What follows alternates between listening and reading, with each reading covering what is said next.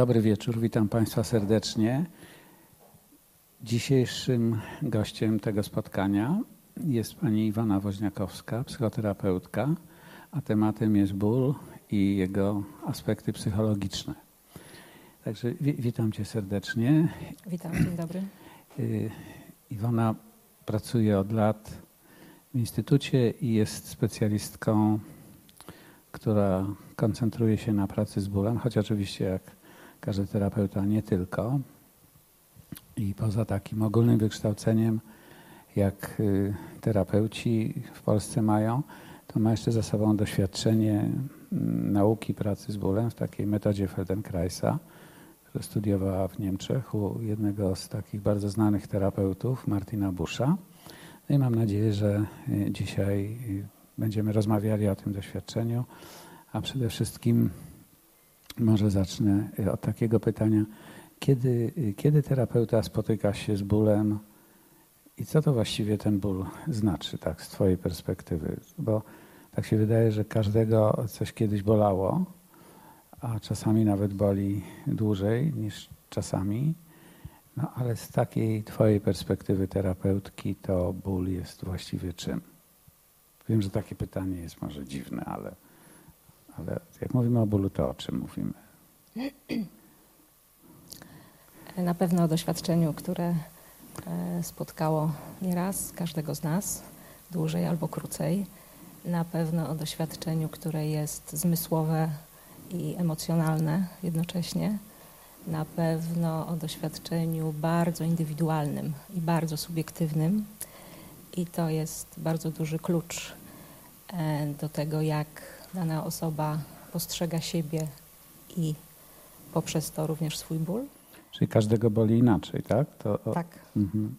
Każdego boli inaczej, e, w zależności e, od jego konstrukcji psychicznej, od momentu życia, w którym go to spotyka, e, trochę od predyspozycji genetycznych, trochę od psychospołecznej sytuacji, w której się znajduje, ale też od takiej kondycji psychicznej w danym momencie, kiedy to się dzieje.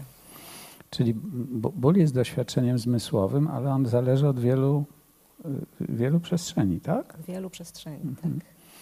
I ty jako terapeutka, kiedy słyszysz o bólu, to no właśnie, to od, od czego ty zaczynasz pracę? Jak, jak to jest? No bo tak się to wydaje, boli, nie boli. Bardziej boli, mniej boli, ale no, no jak, jak ty słyszysz, że ktoś mówi, że boli, to co? zadaję dużo pytań e, na ten temat, e, ponieważ często w opowieści osoby, która do mnie przychodzi, e, znajduje się już często część rozwiązania, co może później pomóc uśmierzyć taki ból tej osoby. Więc trochę jestem dociekliwa w tym i zadaję pytanie. Kiedy Właśnie powstał taki pytania, ból? Tak? Mhm. mhm. Z czym on był związany? Czy to jest e, taki ból, który trwa długo, czy też jest e, okazjonalnym bólem, nazwijmy to tak potocznie, chociaż medycyna mówi o wtedy o ostrym bólu albo o bólu chronicznym. E, dowiaduje się o to, czy jest to związane z jakimś zdarzeniem z życia mhm. u tej osoby, ponieważ e, zdarza się też tak, że kiedy pracuję z bólem, to często dotykamy różnych traumatycznych doświadczeń. Aha, czyli jakieś zdarzenie może leżeć u źródeł też e, tak. tego bólu, tak? Tak. Ale też pytam również o czysto takie fizyczne doznania, e, mhm. jaki ten ból, w cudzysłowie mówiąc, ma kształt. Czy to jest ból piekący, czy też ból o charakterze tępym, czy to jest coś związane e, z rozciąganiem, coś związane z gorącem, z zimnem, z ciepłem. Chcę się dowiedzieć jak najwięcej na temat tego bólu u tej Czy, konkretnej osoby. Czyli jak ta osoba ten ból przeżywa, tak? Jak, jak go czuje, tak, odczuwa, tak, tak? tak? Jakie to jest doświadczenie dla niej? I, I, powiedz z Twojego doświadczenia, to te, mówię doświadczenie terapeutki teraz. Y, to, to jest łatwo mówić o tym bólu, czy też pacjenci są trochę zaskoczeni takimi pytaniami? Zdarza się, że zaskoczeni, E, ale też po kilku chwilach mówią dość chętnie, ponieważ niewiele jest osób, które chciałoby się dowiedzieć takich szczegółowych rzeczy. I, e, i często ja spotykam się z takim dużą, też dużą wdzięcznością tych pacjentów za to, że ktoś pochylił się nad tym doświadczeniem aż tak Że głęboko. ktoś w ogóle zaczyna rozmawiać o tym bólu, tak? tak, tak. Czy jeśli ja to dobrze rozumiem, popraw mnie, to, to tak starasz się, żeby ten ból opisać, żeby pacjent go opisał po swojemu tak. i żeby to nie było tak jest, nie ma, jest ból, nie ma bólu, tylko żeby to było takie bardzo... Bardziej szczegółowe, Mhm. e, bardziej jego, z jego historią związane też e, i też czysto właśnie fizycznie. Jeżeli to jest ból na przykład, który przypomina jakieś doświadczenie, e, nie wiem, gorąca na przykład, że jest to ból piekący, to wtedy konstruując jakąś strategię pracy z tym pacjentem, już staram się to zapamiętać, mieć to w pamięci, że przeciwległy biegun być może będzie biegunem leczącym. Czyli Mhm. jeżeli będę proponować mu różne doświadczenia związane z kolei z ochładzaniem, z zimnem, to to może przynieść uśmierzenie bólu i łagodzenie. A, Powiedz jeszcze, bo być może komuś mogłoby się wydawać, że y, jak będziesz, no tak za- załóżmy, że mnie by bolało, że jak będę rozmawiał o bólu, to je, jeszcze się on nasili, tak? To tak y, właściwie powinien uciekać od tego bólu albo w ogóle w drugą stronę patrzeć. Jak ja tu zacznę ten ból opisywać, to dopiero mnie zacznie boleć, czy nie? Jak to jest? W Twoim Może- doświadczeniu. Mhm, mhm. Może tak być. To będzie już też zależało od konstrukcji e, takiej psychicznej danej osoby. E, natomiast e, mnie tutaj od razu też przychodzi do głowy sposób trochę na rozwiązanie tej sytuacji, bo wtedy zastanawiam się, czy ta osoba jest bliżej e, złączenia się z tym bólem, czy też rozłączenia. A co Czyli- znaczy złączenie się z bólem? Wiesz, no, jak mnie boli, no Mhm. to, y, to ja bym się chętnie rozłączył i tak właściwie nawet nie Mhm. mam jakiegoś przekonania, że się złączyłem, że ten ból mnie napadł czy, czy dopadł. To właściwie ja, jakbym był taką osobą, to jak, jakbyś mnie miał przekonać, żebym jednak ci opowiedział o tym bólu, to że najchętniej już zrób coś, żeby mnie nie bolało, niż żebym opowiadał o tym. to, to wtedy przestałabym rozmawiać na ten Aha. temat, a zaproponowałabym em, strategię oddzielenia się od tego bólu. E, W psychologii, w psychoterapii, a zwłaszcza w hipnoterapii, e, którą ja się również zajmuję, używamy słowa dysocjacja lub asocjacja. Takie na połączenie, taką- rozłączenie, tak. tak? I Jeżeli słyszę już od razu na początku od pacjenta, czy też w trakcie rozmowy o tym, że e, raczej chce się oddzielić, to wtedy mogę zaproponować techniki, które będą oddzielające go od tego Żeby bólu. się jeszcze bardziej oddzielił, tak? Tak. Wtedy, kiedy, Mhm. kiedy, kiedy go to tak bardzo trzyma, na przykład, że nie jest w stanie o tym mówić. Ale są też e, pacjenci i osoby, które powiedzą wręcz przeciwnie. E, Bardzo proszę, e, ja chciałbym o tym mówić e, i kiedy ja będę mieć pod kontrolą bardzo ten ból i będę wiedzieć, gdzie on ma swoje granice na przykład, gdzie mi się umiejscowił dokładnie w ciele, to będę czuł się lepiej. Mhm. Czyli to, to taka pi- pierwsza duża różnica, tak? Że mo, można Tak. powiedzieć, że y, część osób chce się jak najszybciej, jak najbardziej odłączyć od tego bólu, oddzielić, a część chce na tyle w ten ból wejść, czy go poznać, że wtedy mają poczucie, że, że to może przynieść jakąś zmianę w dobrą stronę, tak? Tak, że panują nad nim, że mają nad nim kontrolę. Mówimy często też w psychologii kontrola bólu, Mhm. czyli e, taka umiejętność pacjenta dokładnego określenia granic na przykład tego bólu, czy też już później w pracy metaforycznej na przykład nadania jakiegoś koloru temu bólowi, z którym coś możemy konkretnie Jak- zrobić. jakiegoś opowiedzenia tego bólu, opisania. Opowiedzenia, tak, Mhm. tak. Ja często pytam, czy pacjent ma jakąś metaforę na przykład na swój ból, No i, i, i ma czasem jaką na przykład? Mhm. E, Pracowałam kiedyś z taką pacjentką e, z silnym kilkuletnim bólem e, żołądka, powracających bólów brzucha i żołądka i e, mówiła o czarnej wronie, kiedy prosiłam, żeby znalazła jakąś metaforę. A ten ból był jak czarna wrona, czy ten brzuch był jak czarna wrona? A, no, dobre pytanie, dobre rozróżnienie. Rozmawialiśmy o bólu. O bólu, że ból był tak, jak, jak ból, wrona. tak. Mhm. A, I wtedy w trakcie pracy pacjentce udało się zbudować do tego e, metaforę rajskiego ptaka.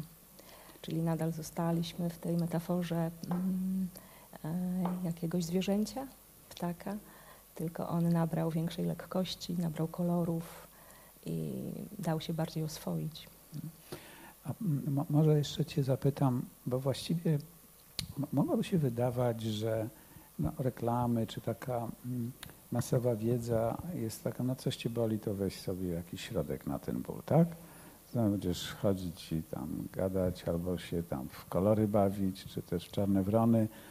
No po prostu weź sobie coś na ten ból i to Ci przejdzie, bo szybko działa, bo jest to czerwona tabletka, zaczyna się na A albo na Z, lepiej działa i tak dalej, ze zdwojoną siłą wodospadu albo jakoś jeszcze inaczej, Często są trzy pod rząd. Y, no, no na przykład. I to, a dla, dlaczego ktoś miałby przychodzić do, y, do terapeuty z, z bólem, a nie łykać sobie co tam chce? Mm. No, następuje często uzależnienie od leków i e, okazuje się, że tych leków na przykład trzeba brać częściej i więcej, Mhm. co działa niezbyt dobrze na cały nasz organizm. Są też takie sytuacje, gdzie nie można brać leków w ogóle z powodów na przykład alergicznych Tych przeciwbólowych, tych tych, przeciwbólowych, popularnych. tych tak. popularnych, tak, tak. A też li, literatura mm, jakoś mówi o tym, że gdybyśmy spojrzeli e, na ból e, w obrębie skali od 0 do 10, e, gdzie czasami pacjenci są proszeni o to, żeby określili stan swojego bólu, gdzie 0 jest brakiem bólu, a 10 jest bólem maksymalnym, możliwym do wytrzymania albo też już nie, e, to tak naprawdę takie leki, które są dostępne, bez recepty mniej więcej są przy zastosowaniu do czwartego stopnia tego bólu, kiedy pacjenci mówią o tym, kiedy bóle są już bardziej silne, e, to wtedy już wchodzi silniejsza medycyna Mhm. i trzeba inaczej wtedy na to patrzeć. No, no dobrze, to jest jasne, że Mhm. te leki, które są bez recepty, które są popularne i reklamowane, no to one mają ograniczone działanie, ale chcę Cię zapytać, no bo przecież y, to mm, jakby opowieść o bólu pojawia się nieco przy okazji chyba innych opowieści, czy też tak wprost ktoś przychodzi, to by się nazywało z takim bólem psychogennym, Y, próbowałem tu i tam tych i owych środków, lekarze mi mówią, że właściwie nie powinno mnie boleć, zostałem przebadany, y, tam nic takiego się nie dzieje, a mnie boli. Bo nie, nie, ma różnicy pomiędzy tym, że mi się wydaje, że mnie głowa boli, a mnie głowa boli. Tak? To, to, to wiemy, tak? Nie, nie mamy wątpliwości. I do, cie, do Mhm. ciebie trafiają osoby, które no, po prostu przychodzą z bólem psychogennym, czy też tak między różnymi y, zdaniami czy fragmentami wypowiedzi ten ból się powoli wydobywa z tej opowieści i staje się figurą. Jak, Mhm. Jakie jest Twoje doświadczenie? Może być i tak, i tak. Mhm. Przychodzą do mnie pacjenci, którzy y, już wiedzą o tym, że pracuję z bólem różnymi technikami i że e, można tutaj czegoś się nauczyć o sobie. E, I też rzeczywiście pojawia się e, ból w opowieści wtedy, kiedy pacjent na przykład przychodzi z lękiem i Mhm. mówi o lęku albo mówi o stanie przygnębienia i depresji. I wtedy e, ta komponenta bólowa jest również bardzo silna. I to też tak się wy, wyłania mi- między innymi skargami, tak? Tak. Mhm. No dobrze, i teraz, że- żebym jakoś to tak z, zrozumiał po prostu, to że, że, że w Twoim doświadczeniu są osoby, które raczej się oddzielają lub raczej łączą i to bardzo różnicuje strategię pracy, tak? Tak. No dobrze, a teraz, y, bo no, Ty się zajmujesz bólem tą częścią emocjonalną, częścią psychiczną, czy właśnie, bo powiedziałeś, że ten ból to ma jakby jedno słowo, ale wiele stron, tak? To czym się zajmujesz? E, I tą stroną fizyczną, i również stroną psychiczną.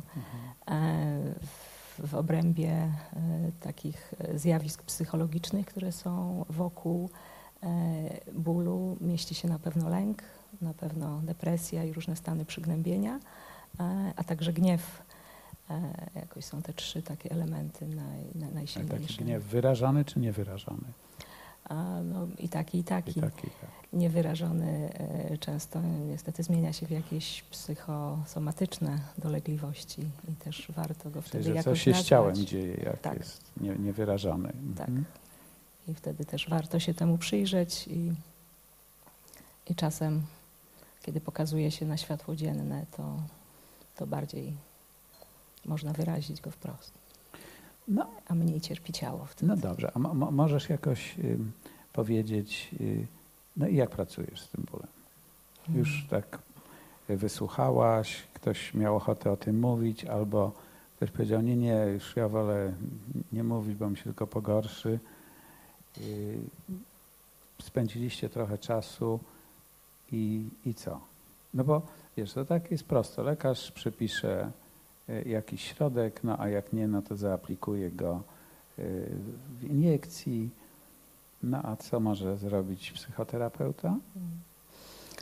No, to prawda, ja trochę za, zachęcam do, do samorozwoju rzeczywiście i trochę może to być e, jakoś kłopotliwsze, bo na, pewno, na pewno posługuje się psychoedukacją chociażby, która jest... e, Żeby pacjent sam o sobie więcej wiedział, sam Więcej się wiedział. bardziej rozumiał, tak? Tak. Też ja Ale w czym to może pomóc z tym bólem? Bo tak, no, bardziej wie, jak sobie sam może pomóc. Jakie, i jak może sobie pomóc na przykład? Na przykład różne pozycje ciała, które przyjmuje, mogą nasilać albo zmniejszać ból. Mhm. Sposób, w jaki się porusza, może nasilać albo zmniejszać. E, Różne procesy, które się dzieją, e, czynności może, e, które wykonuje, mogą działać również na produkcję naturalnych uśmierzaczy bólu, które powstają w naszym organizmie. Endorfin, oksytocyny, czy też noradrenaliny, hormonów I, i, neuroprzekaźników. I co można zrobić, żeby te e, substancje jakoś zachęcić do wydzielania? No jest, jest, fajnie, fajnych sześć rzeczy, które ja Mhm. e, na, na jakoś na swój użytek i użytek pacjentów nazwałam. E, I to jest takie sz- sześć razy S. Tak? E, I jeden z nich jest, w cudzysłowie mówię, e, jest, jest sportem, ale sport bardzo ogólnie przyjęty, no bo chodzi bardziej o ruch i to w zależności od wszystkich e, tutaj predyspozycji danej osoby, więc dla każdego ten sport w cudzysłowie, tudzież ruch będzie Ruch. oznaczał co innego, Mhm. tak?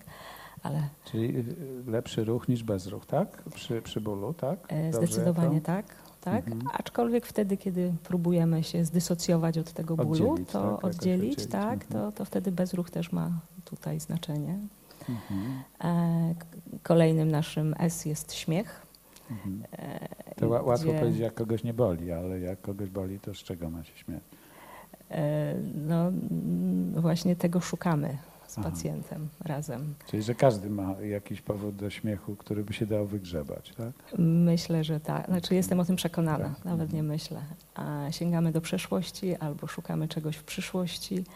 Z czego można by się uśmiać, tak? E, też, tudzież zachęcić pacjenta do tego, żeby, e, żeby po prostu to wiedział o tym, że są naturalne czynności w życiu, które wykonujemy, e, które zwiększają właśnie produkcję tych naturalnych uśmierzaczy bólu. I jakie to są? Jeszcze jakbyś tak podpowiedziała, bo może ktoś, jak nas będzie słuchał, to sobie poszuka za chwilę. Okej, kolejną rzeczą jest sen.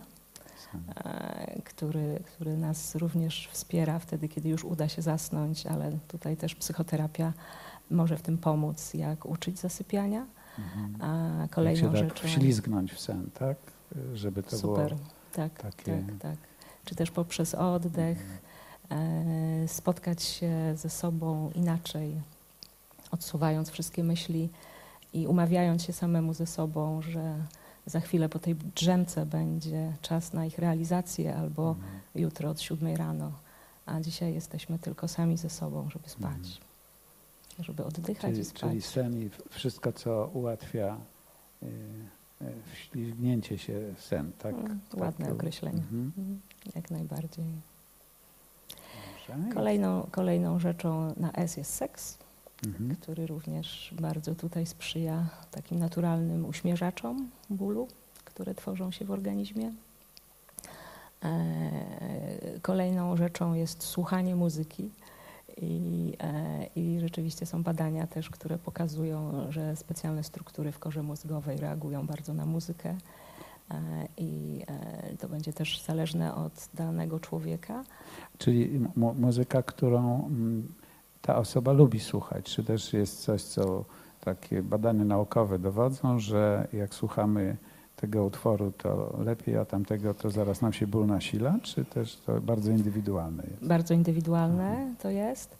E, Dla niektórych są to utwory, które e, zgodnie z takim dowcipem polskim bardziej lubimy te, te, te utwory muzyczne, które już kiedyś słyszeliśmy. Mhm.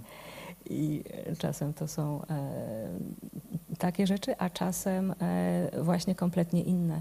Wtedy, kiedy szukamy zupełnie trochę nawet drażniących dźwięków, które są silniejsze niż to, co przepływa przez nasze ciało. Rozumiem, że ty zachęcasz trochę do poszukiwań, tak? Taki- Tak, Mhm. tak. Ta muzyka. I coś jeszcze, czy to już komplet? I kolejną rzeczą jest śpiewanie Aha. również. Jako taki też element i obszar mózgu, który jest nie zawsze używany, który zabiera e, sobą bardzo dużą przestrzeń, żeby śpiewać. Tam trzeba uruchomić bardzo wiele różnych struktur w korze mózgowej, która też e, jakby zakłóca przepływ e, różnych impulsów bólowych z naszego ciała. Ale tak y, mam śpiewać y, naprawdę, czy wyobrażać sobie, że śpiewam? Ale tak mam sam siebie słyszeć O, jednak? To dobre, dobre pytanie. Ja zachęcam do tego, żeby śpiewać naprawdę, Aha. ale, ale to jest bardzo ci- ciekawe skojarzenie, Ale które przy, masz. żeby przynajmniej sobie wyobrazić, to minimum, tak? Tak, tak, tak, Mhm. siebie śpiewającego. Czyli na, na, nawet, bo rozumiem, to nie chodzi o jakiś taki śpiew, który byłby mm, profesjonalny, tylko, tylko, tylko taki własny śpiew, tak? Własny śpiew, swoją Aha. własną umiejętność śpiewania. Mm, Czyli tak jak umiem, tak mogę śpiewać, czy tak jak nie umiem, tak też mogę śpiewać. Też mogę śpiewać, tak. Mm. Mhm. Przypomina mi się e, teraz em, bardzo piękny film, który trochę mówi o tym, o tym aspekcie, e, a mianowicie film pod tytułem Ekscentrycy, czyli Aha. po słonecznej stronie ulicy, e, gdzie jest e, postać kobiety, e, gdzie dokładnie nie wiemy w tym filmie, e, ale w pewnym momencie e, pada diagnoza w stosunku do niej, e, być może jakiegoś, jakiejś choroby nowotworowej e, okolic brzucha, Mhm. ponieważ ona cierpi na bardzo silny e, ból. E, I w tym filmie powstaje e, zespół muzyczny e, w takiej bardzo trudnym okresie naszego kraju. Rzecz się dzieje w Polsce w latach 50., kiedy jest dość szaro e, i dość ponuro na zewnątrz i ona e, zostaje zaproszona do zespołu muzycznego, jazzowego, gdzie śpiewają i grają swing. Mhm. E, I to jest trochę takim barwnym obrazem tamtego świata. I ona zaczyna śpiewać tam. Dzieje się w tym dużo energii, jest, jest, jest dużo ruchu.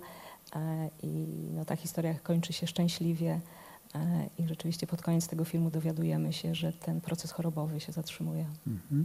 Tam też jest taki chyba przekaz, żeby robić y, więcej tego, co się lubi, niż mniej, tak? I że to, to też jest taki komunikat, to jest Twoje doświadczenie, które pomaga w pracy z bólem, żeby Tak, to jest ważna rzecz, żeby skontaktować osobę e, z tym, co ona lubi, z tym, co ona pamięta sprzed czasu bólu, na przykład, kiedy pracujemy z bólem chronicznym. E, I jak też może sobie wyobrażać e, swoją przyszłość bez bólu. To jest jedno z podstawowych pytań, co się stanie w Twoim życiu, kiedy ten ból minie mhm. i jak tym życiem pokierujesz dalej, co, co przed Tobą, co chcesz zrobić Mhm. dalej. No to jest już takie pytanie, jak rozumiem, z tej przestrzeni bardziej egzystencjalnej, czy też y, szerzej me, me, metafory bólu, że ból, ból jest doznaniem fizjologicznym, ale też jeśli już zamienimy słowo ból na cierpienie, no to, to wtedy cierpienie może być związane z y, doświadczaniem siebie w życiu, tak? siebie w życiu. Mhm. Mm. Tak. To jest, psychologia mówi o takich czterech etapach oddziaływania jakby bólu na nas e, i to, o czym teraz mówisz, jest trzecim etapem, powiedzmy. A, to a powiesz też, o tych pierwszych, Mhm. poprzednich i no, pewnie literatura różnie to nazywa, ja to spróbuję jakoś powiedzieć takim najprostszym językiem, e, że pierwszym etapem jest, że zaczynamy czuć ten ból. aha, E, Po prostu on do nas napływa, a my go Mm. czujemy. a my go czujemy. To Tak. też jest y, chyba nie najgorzej jeszcze, bo czasami Ha. Y, ten ból jest potrzebny, żeby zwrócić uwagę na to, że coś tam się y, dzieje mm, szczególnego z ciałem i, i wtedy w wielu momentach to zauważenie tego bólu, no, co prawda przykre, ale y, sprowadza osobę do zbadania się i do stosownej korekty różnych rzeczy, tak? No dobrze, ale w każdym razie. No Pierwszy, że ten mhm. ból jest po coś, tak? Czyli teraz Tak. pierwszy etap to jest, że pacjent zauważa, że go boli, tak? No to Tak. ważne. Mhm. A później co dzieje się dalej? E, I, i, I w drugim etapie mamy e, uczucie przykrości z tym związane.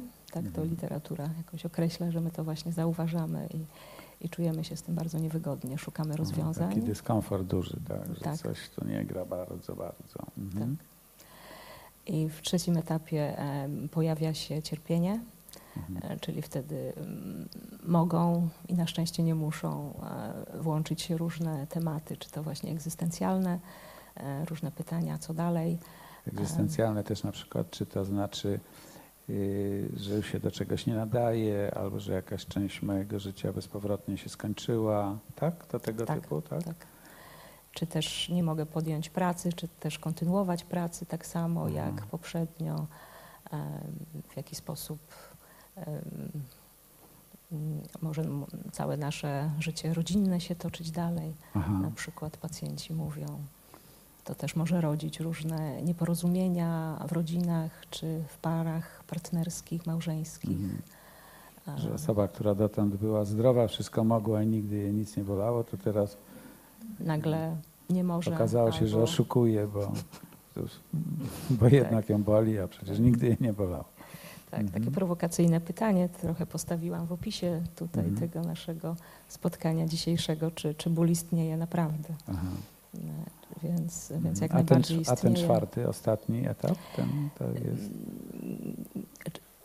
Czwarty etap mówi już o wszystkich zachowaniach, które są związane z bólem, Mhm. czyli w jaki sposób my e, o siebie dbamy, co robimy w związku z tym, że nas boli i czy to nas boli krótkoterminowo, czy też to jest e, jakiś rodzaj e, takiego przewidywalnego bólu na dłuższy czas i co możemy tutaj z tym dalej zrobić. A powiedz jeszcze, wobec bólu mm, osoba powinna być y, jakoś cierpliwa, czy też tak zdecydowanie się za ten ból zabrać, czy jeszcze może jakieś, to w ogóle, może to są złe pytania i w ogóle złe wymiary. Mm. Może być chyba i tak, i tak. Zdecydowanie wtedy, kiedy mamy ból ostry i który nas zaskakuje. E, I to może być takim e, sygnałem, że, że naprawdę teraz natychmiast trzeba poszukać specjalisty i, Mm, i szybko. zadziałać szybko. Mhm. E, Ale też w zupełnie innych przypadkach mm, to jest też nauka cierpliwości, takiego dialogu samego ze sobą, w jaki sposób e, różnych technik, czy też różnych e, kontaktów z profesjonalistami należy szukać, e, od każdego się czegoś uczyć. Też kiedy ja uczę autohipnozy, czy też stanów rozluźnienia, ważna jest powtarzalność tego. Mhm. Mnie się zdarza nagrywać pacjentom różne nagrania, robić z, właśnie e, z, z różnymi transami, czy też z nauką autohipnozy, po to, żeby oni mogli to e, później w domu jeszcze słuchać i uczyć się tego. Czy tak to brzmi, jakbyś mówiła, że to jest taka umiejętność y, radzenia sobie z bólem i Mhm, super, y, dobrze taka umiejętność, która nazwałeś. jak każda umiejętność wymaga powtórzeń, wymaga też ćwiczenia, no trochę uważności, znajomości siebie, tak? Każdy jest trochę inny. tak. i, i cierpliwości w tym wypadku, tak? Tak, no, trochę w tej, w tej sytuacji jest tak, że, że praktyka czyni mistrza. Ale co ciekawe, też zauważyłam na przykład taką sprawę, że kiedy pracuję z pacjentami z takim chronicznym bólem długoterminowym i pracujemy sobie e, tutaj z, nad nauką, jak z tym postępować, to wtedy, kiedy spotka ich ból e, taki nagły, na przykład stomatologiczny, Mhm. nazwijmy go, to łatwiej e, radzą sobie z tym bólem i już wiedzą szybciej, co z tym zrobić. Czyli te umiejętności też się mogą przydać wtedy Tak, w tym No. ostrym, żeby no jednak doczekać do wizyty u, u specjalisty, tak? tak, Z tak, nieco lepszą tak. formą. E, Czy też jak na przykład u stomatologa, jak spróbować e, znieczulić siebie w trakcie zabiegu Mhm. samemu.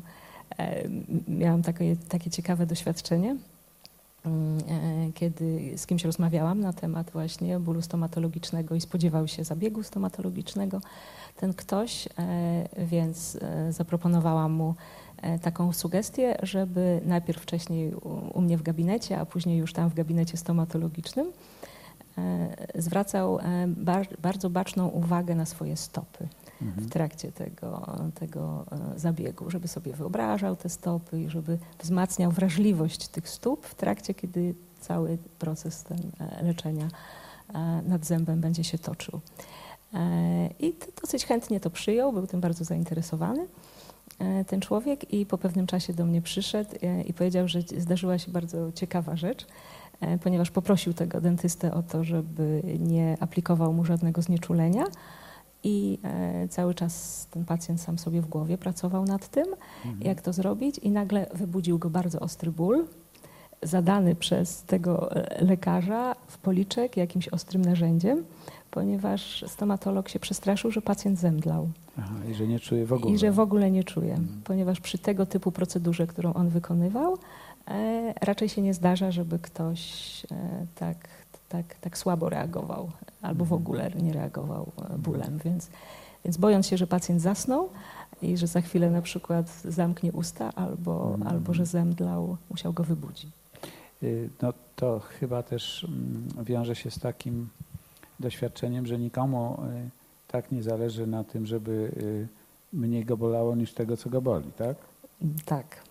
Że tu wszyscy dookoła to trochę mogą współpracować, ale najbardziej mm, to ten y, No, o, o- opłaca się na przykład nie, nie, nie wychodzić z takiego stanu na, na, w gabinecie stomatologicznym na przykład, czyli jakby jest wysoki poziom e, motywacji, czy też ja wolę słowo intencja. aha, Milton Erickson e, bawił się często słowami, był uważny na to, jakich słów używa. I, i, ja często mm, pytam albo proponuję pacjentom, żeby mieli jakąś intencję do czegoś niż motywację. chęć też, chęć, E, intencje, chęć, tak. chęć tak. intencji jako coś lżejszego, prostszego Mhm. niż motywacja, która może być trudniejsza, cięższa. No, mm, czyli jeśli ja dobrze rozumiem, to generalnie ty trochę tak zachęcasz pacjenta, żeby poznawał siebie, poznawał y, też jak ten ból mija, czy jak on się może osłabić, szukał sposobów na to, Tak, trochę szukamy ich razem. tak, że szu- szukacie razem, no, trochę się dzielisz swoim doświadczeniem, gdzie szukać, czy jak szukać, ale, ale szuka pacjent. I nawet jeśli ten ból się nieco złagodzi, albo będzie e, na przykład na tyle osłabiony, że będzie można łatwiej zasnąć, tak, albo, e, albo też podjąć e, no, taką aktywność, która Jakąś jest czynność, tak, aktywność. tak, która jest też sama w sobie przyjemna, czy też y, y, pacjent chętnie ją podejmie, to nawet, nawet to, jeśli nie uśmierzy całkiem bólu, to warto jest tym się zająć. Tak? Ja to dobrze jakoś ro- rozumiem, że na, nawet jeśli mamy takie doświadczenie, że no nie 100% tego bólu przejdzie, no ale, Mhm. Ale on się złagodzi, że będzie gdzieś w oddali, czy, Mhm. czy gdzieś w Mhm. tle, to, to nawet i Mhm. tak warto, tak? Warto, bo poznajemy siebie Aha. i do czego zachęca cała psychoterapia, do tego, żeby być w lepszym kontakcie z sobą, żeby lepiej o siebie dbać E, Jest takie powiedzenie, że jeżeli spotyka nas jakaś choroba we wczesnym wieku naszego życia, to, to trochę ona e, może nas przygotować na ewentualne, które nie muszą się zdarzyć, Mhm. ale na ewentualne inne rzeczy w późniejszym życiu. My już wiemy po prostu, jak o siebie dbać. No tak, to to brytyjskie powiedzenie, żeby długo żyć, trzeba wcześniej zacząć chorować. Tak?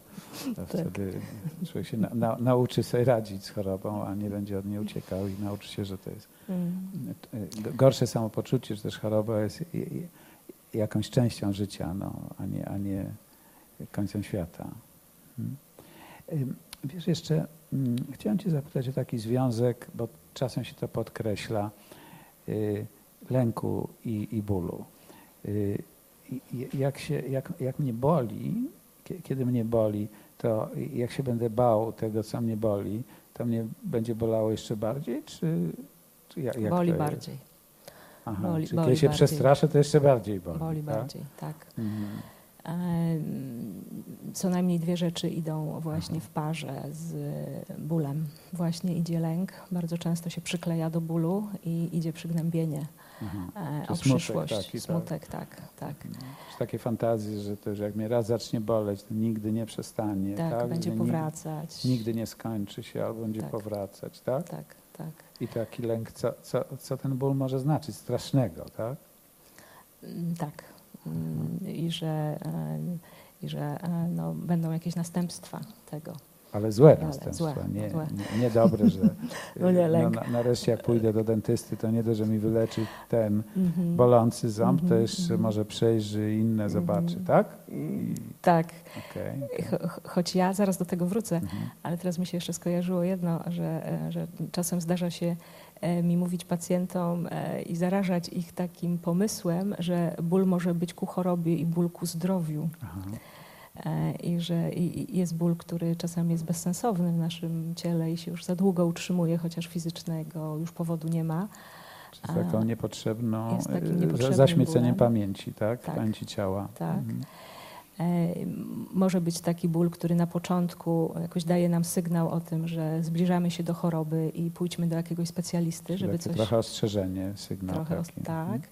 I też ból ku zdrowiu, który na przykład mamy już po wyjściu z gabinetu stomatologicznego, kiedy mija nam na przykład znieczulenie, Mhm. e, albo nie mieliśmy go i nadal nas boli, ale to już jest taki ból, e, ja to czasami tak mówię metaforycznie, spotykających się komórek w środku, które, które one już zasklepiają tą ranę, zasklepiają ten, ten ból i on jeszcze e, zasklepiają to zranienie e, i on już jest w stronę leczenia. Czyli ból, go, ból gojenia się. Ból tak? gojenia, o, Tak. coś takiego. Ból, ból, goi. tak, tak. Mhm. Ból, który już łagodzi i goi, który idzie ku zdrowiu i już wiemy na przykład, że on potrwa jeden dzień albo dwa dni, może trzy najwyżej. Ale już jest tylko sygnałem tego, że, e, że, że to już idzie ku zdrowiu. A wracając jeszcze do tego lęku, e, są badania naukowe, które e, mówią o tym, że gdybyśmy sam ból pozbawili, jeżeli udałoby nam się pozbawić ból i przygnębienia z myślą o tym, co nas czeka, i lęku e, często przed kolejnymi bólami, i wtedy, gdybyśmy mieli do dyspozycji tylko czysty ból, on potrafi zmaleć do 50% swojej wyjściowej em, pozycji.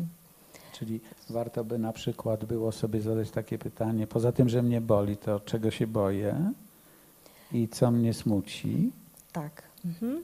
Mhm. I, Coś spróbować z tym i, zrobić. i z tym albo- lękiem coś, i z tym Tak. smutkiem coś i Tak. wtedy boli mniej. I wtedy boli mniej. A, Też bardzo ciekawy jest artykuł, na który e, kiedyś e, trafiłam w niemieckojęzycznej e, literaturze. On jest chyba już przetłumaczony, na, na pewno jest przetłumaczony na język polski, można go już znaleźć. O pracy sanitariuszy medycznych w karetkach pogotowia, mhm. Którzy mogą być specjalistycznie przeszkoleni do pierwszego kontaktu z pacjentem po wypadku, z osobą po Mhm, wypadku, to tak, do, której, do której jadą. E, I są specjalnie instruowani, jakie słowa i jakie zdania powinni kierować do takiej osoby, jeżeli jest przytomna. E, e, Na temat właśnie tego, że najgorsze już w, jego, w ich- życiu właśnie minęło, że teraz już są bezpieczni, że e, ich rany, jeżeli są jakieś obrażenia, mogą krwawić tyle, ile tego wymagają, e, a później mogą zacząć już proces e, właśnie zdrowienia. Mhm. Są instruowani co do tego, żeby e, nie prowadzić żadnych błahych rozmów e, w trakcie e, pomocy takiemu pacjentowi, żeby to rzeczywiście było już od samego początku skupione na, na leczeniu. Mhm. Przy pacjentach z poparzeniami na przykład również, gdzie można oczy, od, od razu jak najwięcej swoich własnych sił uruchomić e, ku zdrowieniu. To jest taki przykład, jak y, słowo czy psychologiczne oddziaływania też mogą mieć znaczenie w tak dramatycznych sytuacjach. Bardzo, Mhm. tak. A jeszcze I- chciałem i- Cię zapytać. I, I od tego też czmycha lęk, jak ja to mówię. że No tak, wtedy- bo jak Mhm, no, tak. usłyszę, że y, jestem w dobrych rękach i że najgorsze już mam za sobą, no to oczywiście, że lęk wtedy maleje i, y, no i, no i wtedy, tak jak rozumiem, też ból trochę ma szansę zmaleć. I maleje również ból, tak. Mhm. To jeszcze Cię chcę zapytać, bo parę razy mówiłaś tutaj o hipnozie czy autohipnozie, używałaś takich słów. Mm, Właściwie y, takim tematem, przez który się tu przewija, no to jest y, poniedziałki z psychoterapią, ale mówimy o hipnozie i psychoterapii. I, i może byś y, też mogła coś powiedzieć na, na temat y, takiego swojego doświadczenia, czy o co chodzi w tym wszystkim? Mm, Co ciekawe, w pracy z bólem e, nie potrzebujemy zbyt silnego, e, zbyt głębokiego transu, ani, e, ani bardzo silnej, nie wiem, głębokiej hipnozy, Mhm. a wystarczy często stan rozluźnienia, żeby uczyć pacjentów, jak się mogą rozluźniać, jak mogą uruchamiać swoje własne wewnętrzne siły do właśnie do łagodzenia bólu. E, a następnie e, można proponować im różne sugestie, z których mogą korzystać. Czyli, czyli ty za, zachęcasz do tego, żebyśmy tak to powiedzieli dla osoby, która nigdy w takiej sytuacji nie była, tak? Czyli zachęcasz pacjenta do skupienia uwagi, też czasem do rozluźnienia i pacjent, który doświadcza bólu, bardzo chętnie współpracuje w tym zakresie i wtedy jest trochę taki gotów na przyjęcie takiej sugestii z zewnątrz, która może mu pomóc w radzeniu sobie z bólem, tak? tak, Tak to- bardzo ła- ładny Mhm. opis, tak, w paru I, słowach. i, i, bo pytam o to dlatego, że y, je, jednym z takich dwóch filarów hipnozy historycznie to była właśnie praca z bólem.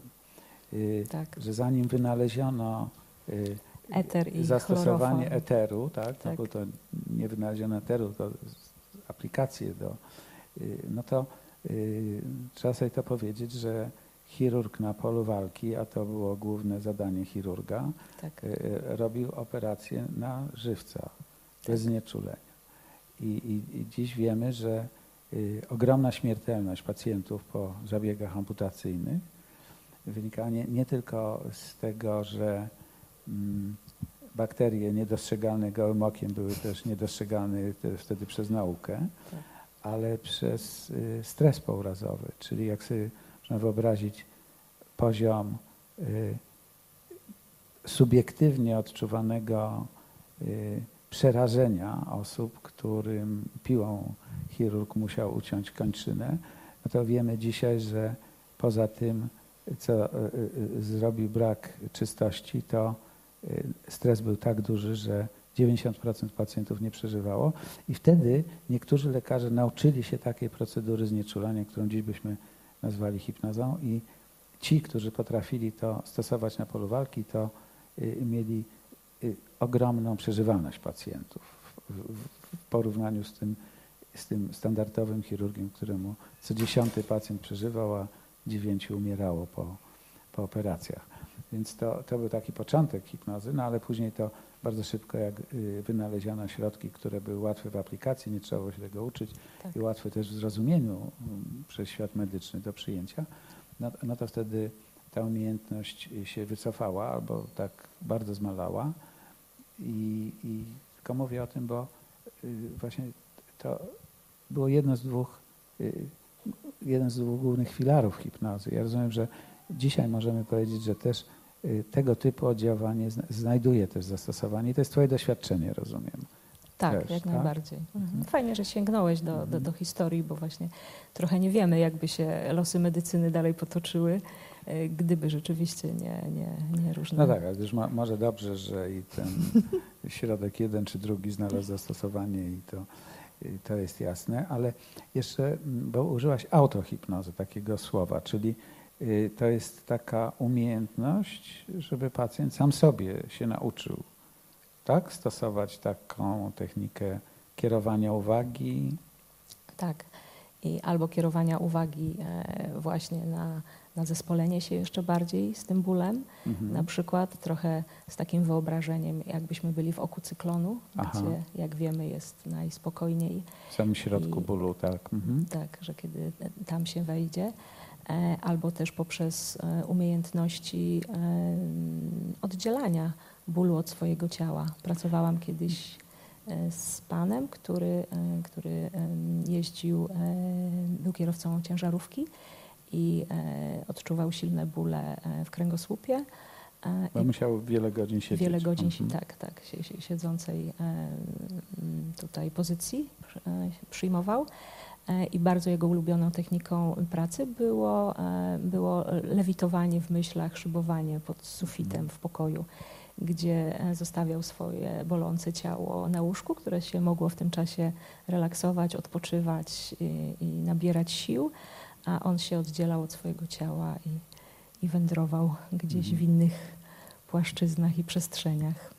Rozumiem, że ten opis y, pacjenta, który u dentysty był bardzo skoncentrowany na swoich stopach, też był opisem takiego, takiej umiejętności oddzielenia się od, od bólu, tak? Tak. Oddzielenia albo poprzez skupienie uwagi na zupełnie innym elemencie ciała e, i wtedy dobrze jest wybrać najbardziej odległy element ciała od, Mhm. od tego bolącego nas. No tak, rzeczywiście to wygląda na to, że, że stopy tak od, Chyba zęb, tak. od zębów dość Są najdalej. Ale też zgodnie z taką metaforą, którą ja, ja często używam i którą pacjenci też lubią, e, że kiedy e, wrzucimy do jakiejś wody kamień, to powstają na powierzchni kręgi. Mhm. I jeżeli e, wrzucimy tam kamień bólu, czyli zaczniemy od tego miejsca, które boli, to jest duże prawdopodobieństwo, że po całym naszym ciele i po całym naszym jeziorze rozejdą się kręgi bólu. Kiedy zaczniemy od tego miejsca, które jest e, no, najbardziej komfortowe i spróbujemy uczynić go jeszcze bardziej wygodnym, e, to wtedy takie kręgi przyjemności mają bardziej szansę. Czyli i, i z tą autohipnozą to rozumiem, że ty jesteś trochę takim przewodnikiem, a trochę nauczycielem, y, żeby, o, żeby Mhm. osoba, której ból towarzyszy, no tak jak na przykład kierowca, bo, no bo pracuje jak pracuje, nie zmieni tej pracy z dnia na dzień, że się nauczył tak sam sobie aplikować trochę taki zestaw doświadczeń i że y, to niby można by się było nauczyć tego samemu, ale z nauczycielem, czy w tym wypadku z terapeutą, jest trochę łatwiej. Jest trochę łatwiej, bo, bo terapeuta może słuchać Aha, i wysłuchiwać to, co pacjent mówi. aha, Jeżeli mówi, że, e, bo ja pytam też zawsze e, o jego własne doświadczenia, e, co, co już próbował w swoim życiu pacjent, co już mu pomaga. I kiedy już to wiem, to wtedy mogę to czy ubrać w jakąś metaforę, czy razem we współpracy z pacjentem, czy też coś mu zaproponować, właśnie coś, co jest przeciwległym biegunem m, do tego, jak wygląda jego ból.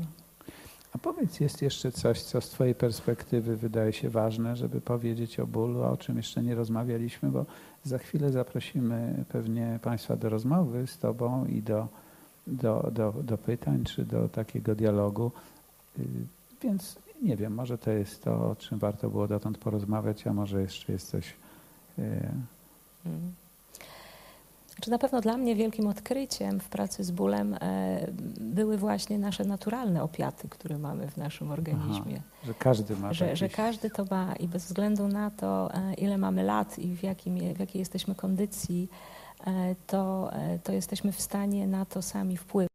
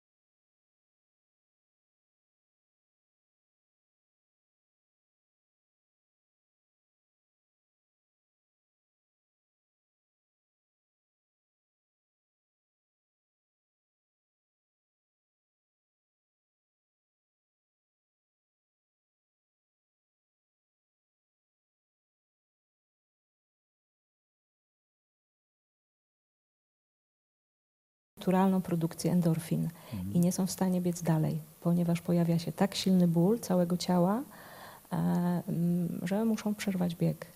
I, no i to jest też do, dobrym dowodem na to, że my mamy te substancje w środku i one nam się produkują cały czas. Mhm.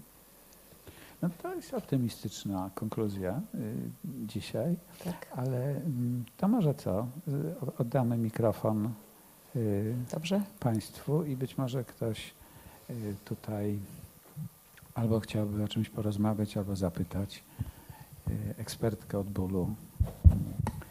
Także za, zawsze to jest pierwsze pytanie wymaga odwagi większej niż drugie pytanie, niż trzecie, ale za, zapraszam do takiej tu rozmowy, może ma to też jakiś sens.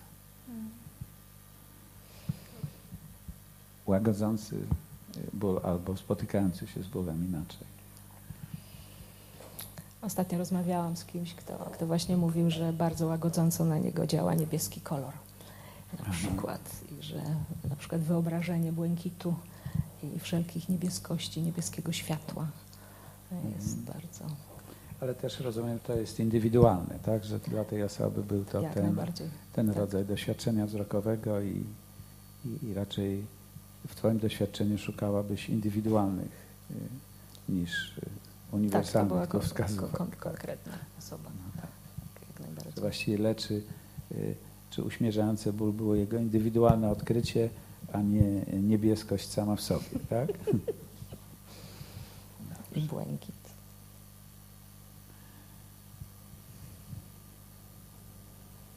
A jeszcze masz tu coś, tu przyniosłaś chyba, ja nie, nie wiem, czy mi no się tak. wydaje, to, to ma znaczenie, czy nie. Ja jestem takim terapeutą, e, który mm, czasem korzysta z różnych przedmiotów, trochę Aha. symbolicznych, a, a, a trochę prawdziwych mm, w pracy. Zdarza mi się em, pracować z różnych plansz, z różnymi planszami na przykład, też z takim, z takim przesłaniem, e, że mózg może nauczyć się i przypomnieć sobie, jak wygląda dany zdrowy organ na przykład w Aha. człowieku. Że często, kiedy dotyczy, dotyka nas ból, e, za tym stoi jakaś choroba i trochę jesteśmy wystawieni na obrazy związane z tą chorobą. Mhm. I często też pacjenci sami poszukują takich obrazów, e, chociażby w internecie. Natomiast zapominają o takiej Kiedyś byłem w możliwości. takiej poczekalni w, w poradni był wąski korytarz, po, wzdłuż jednej ściany yy, stał rząd krzeseł, na których siedzieli oczekujący na wizytę, a po drugiej stronie były drzwi do różnych gabinetów, a pomiędzy tymi drzwiami były kolorowe zdjęcia przedstawiające Na co człowiek może zachorować. wszelakie nieszczęścia, jakie się w tej poradni zdarzają. Tam to były też takie wystąpienia, prezentacje z kongresów i no, tak mi się wydawało, że takie wpatrywanie się, jak to siedział naprzeciwko tego, to, już, to, to rozumiem, że to jest to, o czym ty mówisz, że Tak. ten obraz chorego miejsca jakoś jest tak wyrzeźbiony w mózgu, że obraz, jakby to miejsce wyglądało w zdrowiu, Albo jak wyglądało wysiłku. przed na Tak, przykład tak. tą chorobą, albo też jak może, może wyglądać już po, wyleczeniu, zakończonym po leczeniu. wyleczeniu. Tak, Mhm. Że to wymaga wysiłku, przywołanie tego obrazu, a tamten tak, paskudny się sam przywołuje, tak?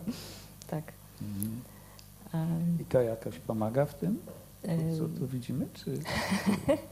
E, tak, a propos zdrowych obrazów, to, to na przykład czasami posługuje się Aleksandrem. E, Aleksander jest e, postacią, która porusza się w różne strony i, e, i może przypominać różnym pacjentom o tym, że mamy bardzo wiele stawów w sobie, system nerwowy, szkielet i warto o tym pamiętać, że możemy go też używać i w dobry sposób możemy go używać. Mhm. Więc czasem towarzyszy nam Aleksander. Czasem towarzyszy nam mewa, która jest ptakiem, który umie latać, e, prawie że, a też trochę jako symbol odwracania uwagi, ponieważ jedną z metod pracy z bólem jest, e, jest odwracanie uwagi. Czyli Wtedy- kierowanie uwagi w stronę wolną od bólu. Tak. Super. Mhm. Mhm. e, i wtedy, kiedy e, pacjent ma dużo rzeczy wokół siebie, swojego e, życia osobistego, pracy, różnych innych doświadczeń, to jest to też, co uśmierza ból, Mm. czyli wszystkie elementy, które, które mogą mu pomagać odwrócić uwagę. Czyli Rozumiem, że ta mewa sobie znajduje swój własny balans, swoją równowagę własną, tak? To do, dobrze to jakoś ją widzę. Super, tak, w Mhm. swoim własnym Okej. życiu. Mhm. Nie wiem, czy kiedyś ją trzymałeś. Tak, trzymałem, trzymałem. Znasz? Tak, tak, Znasz trzymałem. mowę, dobrze. Znaczy może nie tą, ale, ale tak w ogóle to... Nie? A gdyby mogła Nie. Cię poprosić o palec? No Tylko? tak, ja wiem, tylko na tak? palec. No, no. dobrze, tak. A ten palec, dobrze. Dobrze, może być ten. No tak, tak. No i widzisz, nawet mnie nie udziebała. No dobrze, i jeszcze coś tutaj jest bólowego czy przeciwbólowego? E, przeciwbólowego. Oczywiście mamy oddychającą kulę, e, często, która nam towarzyszy w oddychaniu, ponieważ e, klatka piersiowa może czasem się rozszerzać i być bardzo duża i, i pozwalać nabrać bardzo dużo powietrza, a czasem je wypuszczamy i, i możemy mieć mało, a wszelkie e, takie stany rozluźnienia, które proponuję pacjentom, bardzo z oddechem mają coś wspólnego. Mhm. Oddech jest też takim elementem, który jest świadomy, ponieważ my możemy go kontrolować i to od nas zależy, jak szybko oddychamy, jak dużo oddychamy, e, jak wiele nabieramy powietrza, albo jak długi jest nasz wydech, ale też oddech jest takim elementem, który jest kompletnie nieświadomy i dzieje się sam z siebie. Czy nawet jak nim nie kierujemy, to też oddychamy. Też oddychamy. Ono oddycha, oddycha się nam samo. Mhm. I jeżeli e, pozwolimy, e, jeżeli chcemy wrócić przez chwilę do siebie, żeby zająć się sobą, to bardzo prostą rzeczą jest zwrócić uwagę na oddech, czyli wtedy przechodzimy z tej nieświadomej części na to, że jesteśmy ze sobą, że mamy swoje imię, że mamy swoje ciało, szkielet. I, I też y, oddech jest ruchem, czyli w Bardzo. tym takim nieraz mm, zaklęśnięciu w bólu, w takim y, bólu, który nas chwycił w kleszcze, tak? Tak, Albo złapał, czy dopadł. Często osoba zamiera, ale choćby nie wiem, jak zamierała, to nadal oddycha, tak? Tylko nie, nieraz chyba nawet nie zdaje sobie sprawy z tego, że nadal oddycha, a oddech Jest jest jest ruchem. ruchem. Tak, jak najbardziej. Mhm. Jest taka piękna mm, historia Miltona Eriksona o tym, jak e, radził sobie ze swoim własnym e, bólem. Tak, bo wiemy, że, że też y, był osobą, która przez wiele lat cierpiała z powodów bólowych. z Mhm. powodów bólowych e, bardzo i, i czasem kilka razy dziennie nawet zapraszał swój oddech do współpracy e, po to, żeby ten chociaż minimalistyczny ruch e, Mhm. pojawił się w jego ciele i z oddechu, kiedy zwrócimy uwagę na oddech, to zaczynają poruszać się nam barki samoistnie i różne tak. inne części w naszym ciele. I więc wychodził z oddechu. No dobrze. Bo tylko prosimy o użycie mikrofonu, tak? Bardzo proszę. Hmm? Tak, tak. To ju, już. Chciałem zapytać, czy ma Pani w swoim doświadczeniu e, takie przykłady, że potrafi Pani na podstawie emocji konkretnych stwierdzić, że jakby wykonywać połączenie między konkretną emocją, raczej niechcianą, a konkretnym bólem, który się lokalizuje w jakichś częściach ciała?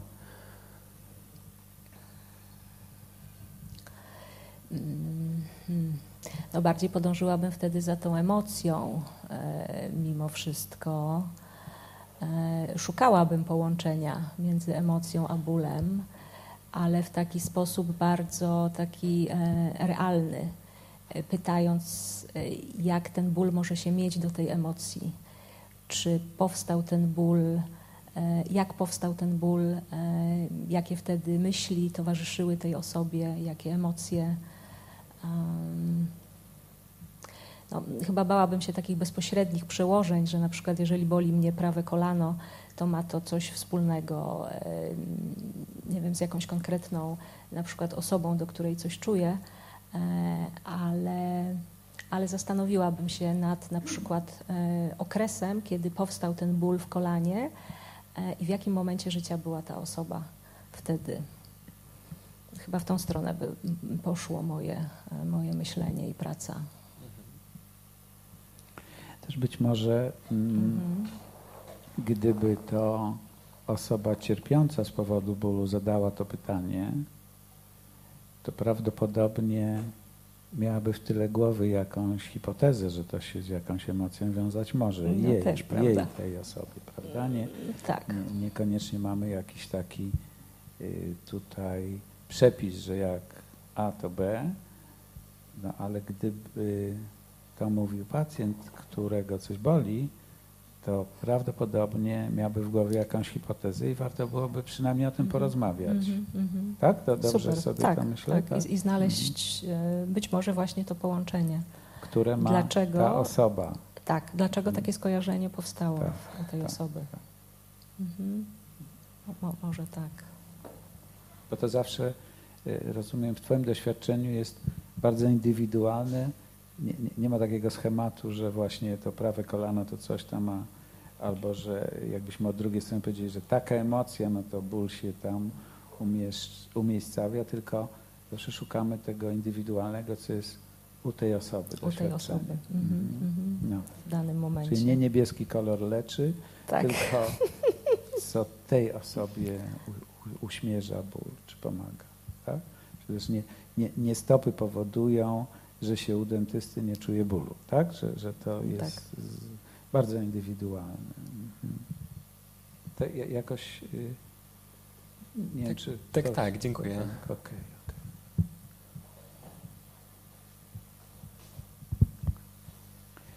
Tak, jest kolejne pytanie. To za, zachęcamy.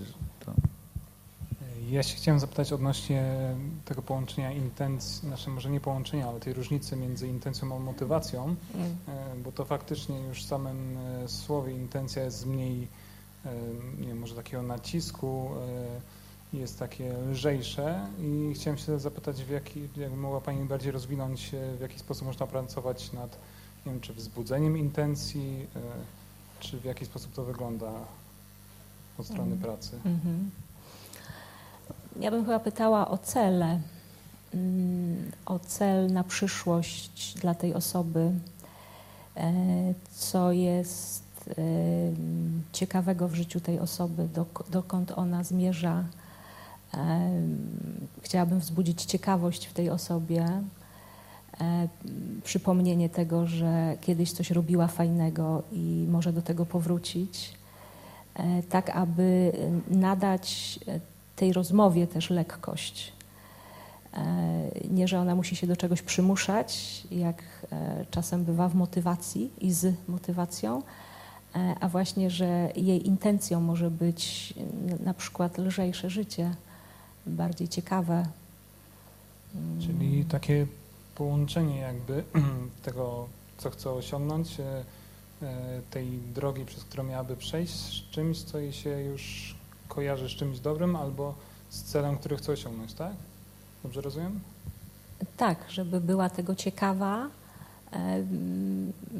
żeby coś ją w tym kręciło, mówiąc potocznie, żeby miała już jakąś gotowość e, zgodnie z taką zasadą, że kiedy e, osiągamy jakieś sukcesy i coś nam się udaje, to chcemy robić tego więcej, zyskujemy większą pewność siebie i wtedy podejmujemy też dużo trudniejsze zadania, które kiedyś na początku odkładaliśmy. tak trochę krok po kroku, tak? To Krok dobrze? po kroku. Mhm. Tak. Dziękuję.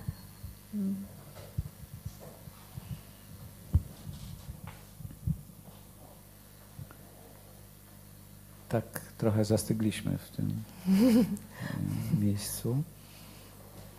Je, je, jeszcze tutaj jest pytanie. E, Zastanawiam się nad możliwością e, asocjacji z bólem. Mhm. Też będę, będę mówił może o konkretnej sytuacji. Niekiedy ból jest przyjemny. Mm. Tak, no, na przykład bóle Tak. sportowe, tak, powysiłkowe, połączone z, endor- z endorfinami, tak, dają nam satysfakcję. Czy na przykład e, przy pracy ze sportowcami, którzy odczuwali bóle e, no, powysiłkowe, potreningowe, bardzo takie no, sympatyczne dla nich, tak, z tych wspomnień, a, a teraz odczuwają bóle innych części ciała. Czy można to asocjować? Czy to już zbyt duże ryzyko? Y, Znaczy, nie wiem, czy dobrze zrozumiałam, czyli żeby przenosić tą tak, przyjemność. Tak, tak, tak, żeby ten Mm, ból, który mhm. teraz jest tym bólem, no jakby Mhm. dosyć nieprzyjemnym, tak, no. I Z, z innego obszaru. z innego obszaru Mhm. bólowego, który był tym sympatycznym bólem, czy Mhm, można mhm, asocjować? Czy to, nie, Świetny czy to nie jest nadużycie troszeczkę? Że boję się tego, żebym nie poszedł w stronę taką, żeby nie hmm, obrzydzić tego fajnego bólu, tak, tych fajnych wspomnień. E, Ja bym myślała, że to jest dobry pomysł. Na pewno trzeba być jakoś ostrożnym, e, bo, bo skoro Pan tu już tutaj mówi mm, jakoś o tych innych aspektach, więc rzeczywiście nie można e, jakby nad tym przesadzić w tym zakresie. Natomiast pomysł w ogóle zamienienia ból na przyjemność, bólu na przyjemność jest dobrą strategią. Mo- Można tego próbować. Nie z każdym, e, nie zawsze, być może przygotowując trochę pacjenta, czy też tutaj w tym momencie e, sportowca do tego, e, ale to jest dobra koncepcja. E, Literatura e, przytacza takie przypadki, na przykład pracy z bólem fantomowym, e, czyli bólem po, po odjęciu jakiejś kończyny. E, Ja również miałam w swojej praktyce e, co najmniej trzy takie osoby, gdzie e, pracowaliśmy z ruchem po jednej stronie ciała i po drugiej e, w taki sam sposób, e, że wyobrażeniowo osoba poruszała kończyną, której było brak. I okazywało się, że to łączyło dokładnie te połączenia neuronalne w mózgu, o które chodziło, i, i, i mózg wreszcie za, zamykał tą bramkę bólu. A drugą strategią jest właśnie próba zmiany tego bólu właśnie na przyjemność. Mm, Czyli tak naprawdę, Mhm. gdyby mm, popracować w kierunku takim, żeby te bóle, które teraz się pojawiają, były bólami potreningowymi, tak? Czyli takimi, które gdzieś no, były tymi bólami fajnymi, tak? Czy, czy takimi no, dającymi to duże poczucie satysfakcji. I też świadomość tego, że przyrasta masa mięśniowa, bo, Tak, tak, bo z no tego to- co wiemy, tak, to, Jak to, najbardziej, to tak. ten ból jest właśnie takim bólem ku zdrowiu, ku, ku, ku, ku rozwojowi. Aczkolwiek jest realny i faktycznie jest bolesny. Mhm, mhm. E, Ale no- zupełnie o tym inaczej myślimy, prawda? Tak, z ogromną satysfakcją wtedy. Nie? Tak. Ale rozumiem, że praca w tą stronę jest jak najbardziej, e, nie, nie jest nadużyciem, tak? Bo tego trochę się boję, żeby nie pójść o krok za daleko, ale jakby mm, Pytając tą osobę, bardziej pytając ją, czy, Mhm. czy, czy to nie będzie nadużycie w stosunku do tej osoby. Bo, bo ktoś może wzruszyć ramionami i powiedzieć nigdy w życiu, to jest coś przedziwnego, co pan proponuje. E, e, A ktoś inny powie, to ciekawe. Ja spróbuję sobie nad tym pomyśleć. Na pewno trzeba wziąć pod uwagę e, to, żeby no, nie znieczulić za bardzo pacjenta i nie, i nie zobojętnieć go na ten inny ból. Bo pytanie jest, jakim sygnałem jest ten, ten ból drugi. E, Czy on jednak nie wymaga jakichś interwencji, innych specjalizacji? nie, nie myślę, że tu chodzi tak naprawdę o ból, który jest bólem kręgosłupa y, związanego z urazem, tak? I, i e, gdzieś cały czas mam taką ochotę, żeby pójść w tą stronę w pracy z pacjentem. E, I chyba mam na to dosyć dobre przyzwolenie, dlatego że parę Mhm. razy rozmawiając i e, pracując na wspomnieniach tak, e, związanych z bólem, e, no, akurat mój pacjent uprawiał sport dosyć czynnie, tak, więc e, no, widziałem, że gdzieś ta reakcja tak, jego na tą sytuację, uśmiech, tak, który się pojawiał, nawet pomimo tego, że mówił, że go w tym czasie boli, tak, bo, bo jakby siedząc na fotelu, gdzie e, no, mimo wszystko w jakimś tam czasie, no i pomimo tego, że ma przyzwolenie na ruch, tak, że może wstawać, jakby tutaj nie ma większego problemu, e, to jednak, jednak jakieś tam odczucia bolesne się pojawiają, tak, to, to widać było, że mu to pasuje, także dziękuję bardzo. Ja jeszcze bym y, powiedział o tym w ten sposób, bo y, kiedyś superwizowałem swoją pracę y, z pacjentem nowotworowym i ten pacjent bardzo cierpiał bólowo i środki, które były dostępne, farmakologiczne, nie uśmierzały tego bólu. Y, No bo to stadium było dosyć y, już zaawansowane. Ja superwizowałem tę pracę swoją, czyli rozmawiałem y, z jednym ze swoich nauczycieli o tym. I, I akurat to było z takim profesorem Markiem Jansenem, który jest takim znanym specjalistą. I on powiedział, i wtedy no jeżeli już nic innego nie pomaga, to pomóż pacjentowi, żeby wszedł w ten ból. Że y, to jest taki paradoks trochę, tak? że jego tak boli, że on ucieka, ale nie, nie ma dokąd uciec, bo ten ból wypełnia mu po prostu każdą komórkę ciała.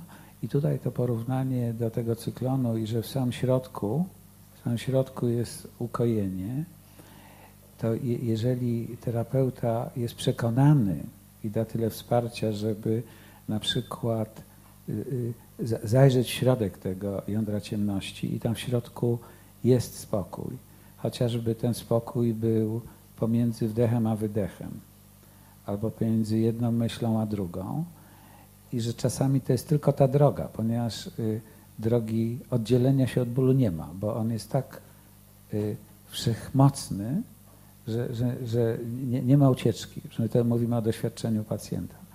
I, później y, skorzystałem z tej, z tej superwizyjnej, z tego wsparcia rzeczywiście to właściwie wydawała się być je, je, jedyna ścieżka, która przynosiła ulgę, ale oczywiście wymagało to y, ta- osoba trudno, nie mogła tego zrobić sama, potrzebowała po prostu przewodnika, który, który trochę jej da oparcie. Y, To, to może nieco inna jest odpowiedź na, na to Pana pytanie, czy można w ten ból wejść. No, czasami jeśli nie można na niego odejść, no to spróbujmy w, nie, w niego wejść po prostu. A między oddechem jest zawsze chwila y, spokoju. To co, bardzo Ci dziękuję, a Państwa zapraszam y, na ostatni poniedziałek maja i na ostatni poniedziałek czerwca. To jeszcze będą dwa wiosenne y, poniedziałki z psychoterapią. Później będziemy mieć y, letnią przerwę i mamy nadzieję wrócić też wczesną jesienią. Bardzo Państwu dziękuję, bardzo Ci Bardzo ci dziękuję i do zobaczenia.